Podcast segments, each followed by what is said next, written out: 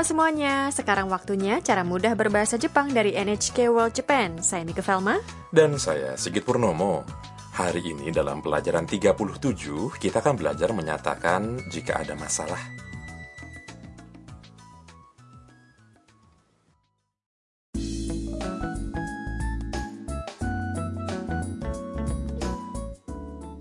Tam dari Vietnam mengunjungi Hakone bersama temannya Ayaka.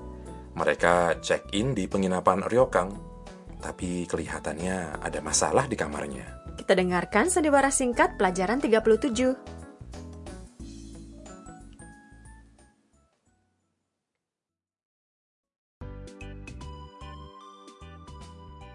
あれテレビがつきませんね本当だおかしいねフロントに電話してみます すみませんテレビがつかないんですが少々お待ちください担当の者が伺います Mari ulas satu persatu. Tam memegang remote kendali dan mencoba menyalakan TV. あれテレビがつきませんね Yah, televisinya tidak menyala. Ayaka mengatakan, 本当だおかしいね Iya benar, aneh ya. Tam mengatakan, Saya akan menelpon resepsionis. Tam menelpon. Permisi, televisinya tidak menyala. Resepsionisnya menjawab, Mohon tunggu sebentar. Petugas yang bertanggung jawab akan datang. Tam berhasil menjelaskannya dalam bahasa Jepang. Iya benar, dan sekarang petugas akan datang ke kamar mereka. Kita dengarkan lagi sandiwara singkatnya. Are, televisi ga tsukimasen ne. Honto da, okashii ne. Fronto ni denwa shite mimasu. Sumimasen. Ga tsukanai desu ga. 少々お待ちください担当の者が伺います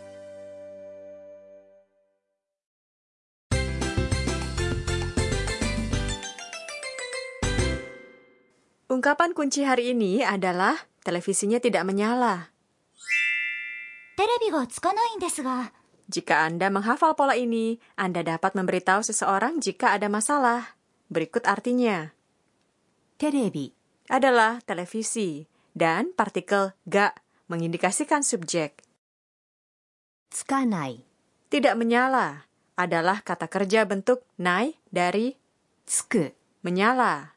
Bentuk kata kerja nai diakhiri dengan nai dan mengindikasikan sesuatu yang bersifat negatif.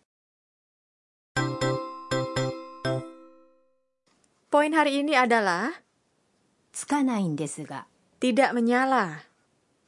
Desu ga menempel pada kata kerja bentuk nai.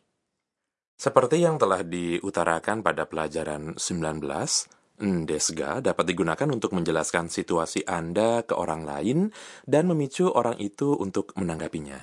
Di sini, kata kerja di depan endesega adalah dalam bentuk nai. Ini menyatakan Anda sedang dalam masalah karena sesuatu yang Anda harapkan tidak terjadi. Masalah dalam ungkapan hari ini adalah televisinya tidak menyala. テレビがつかない Tam menambahkan endesega setelahnya, dan resepsionis mengirim petugas untuk memeriksanya. Sekarang giliran Anda. Dengarkan dan ulangi.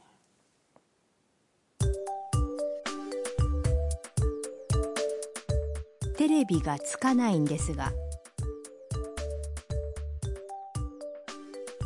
テレビがつかないんですが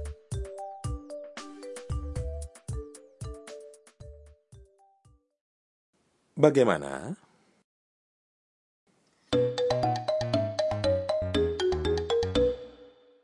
Sekarang dengarkan percakapan antara seorang tamu dan staf hotel. Tamu ini sepertinya mengalami masalah. すみません w i f i のパスワードがわからないんですがパスワードですね。こちらです。 Ini artinya, すみません。Wi-Fi のパスワードがわからないんですが。Permisi, saya tidak tahu kata sandi Wi-Fi-nya. Barangkali Anda pernah mengalami situasi tersebut. Wi-Fi adalah Wi-Fi dan kata sandi adalah password. Tidak tahu adalah wakaranai. Ini adalah bentuk nai dari kata kerja wakaru, tahu. Password ですね。こちらです。Kata sandinya ya, ini dia. こちら。Berarti ini dalam bentuk sopan. Dengarkan dan ulangi. パスワードがわからないんですが。Wi-Fi のパスワードがわからないんですが。すみません。Wi-Fi のパスワードがわからないんですが。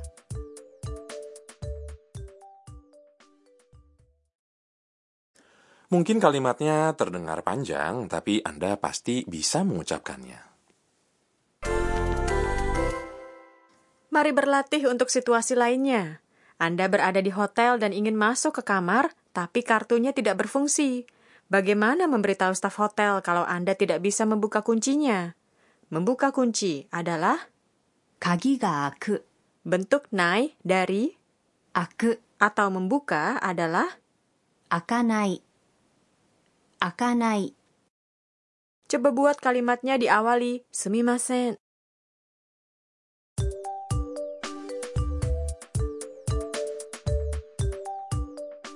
Semimasen Kagi ga akanai desu ga Bisa.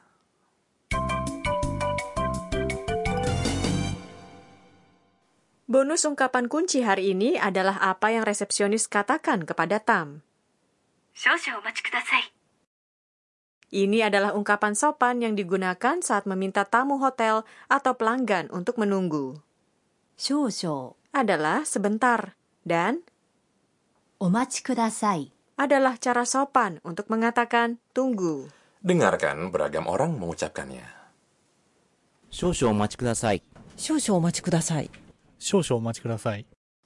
Baiklah, dengarkan sandiwara singkatnya sekali lagi. Are, ga tsukimasen ne. Honto da, okashii ne.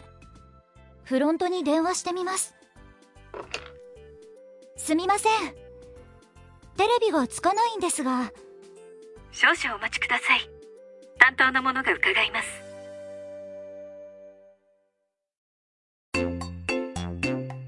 春さんの知恵袋。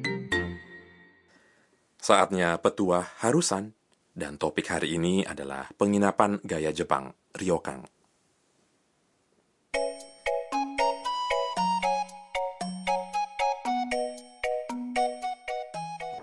Sigit, apa pernah menginap di Ryokang? Tentu pernah. Ini layanannya bergaya Jepang. Iya, kamar-kamar di Ryokang menggunakan lantai dari tikar tatami. Anda harus melepas sepatu saat memasukinya. Dan di dalam ruangan ada yukata atau kimono tipis musim panas. Bisa memakainya saat berjalan-jalan di sekitar resor onsen. Beberapa penginapan menyajikan makanan Jepang tradisional yang dimasak dengan bahan-bahan khas setempat yang ditata cantik ke kamar Anda. Anda juga bisa berbincang-bincang dengan staf yang datang untuk menyajikan makanan tersebut. Setelah makan malam, sejumlah penginapan menggelar matras futong di kamar Anda ketika Anda sedang berendam di onsen. Banyak orang suka mandi beberapa kali selama menginap, setelah check-in, sebelum tidur, dan setelah bangun tidur. Mengenakan yukata, menikmati berendam di onsen, makan hidangan gaya Jepang, dan tidur di futong. Hmm, bisa merasakan nuansa Jepang saat menginap di Ryokang.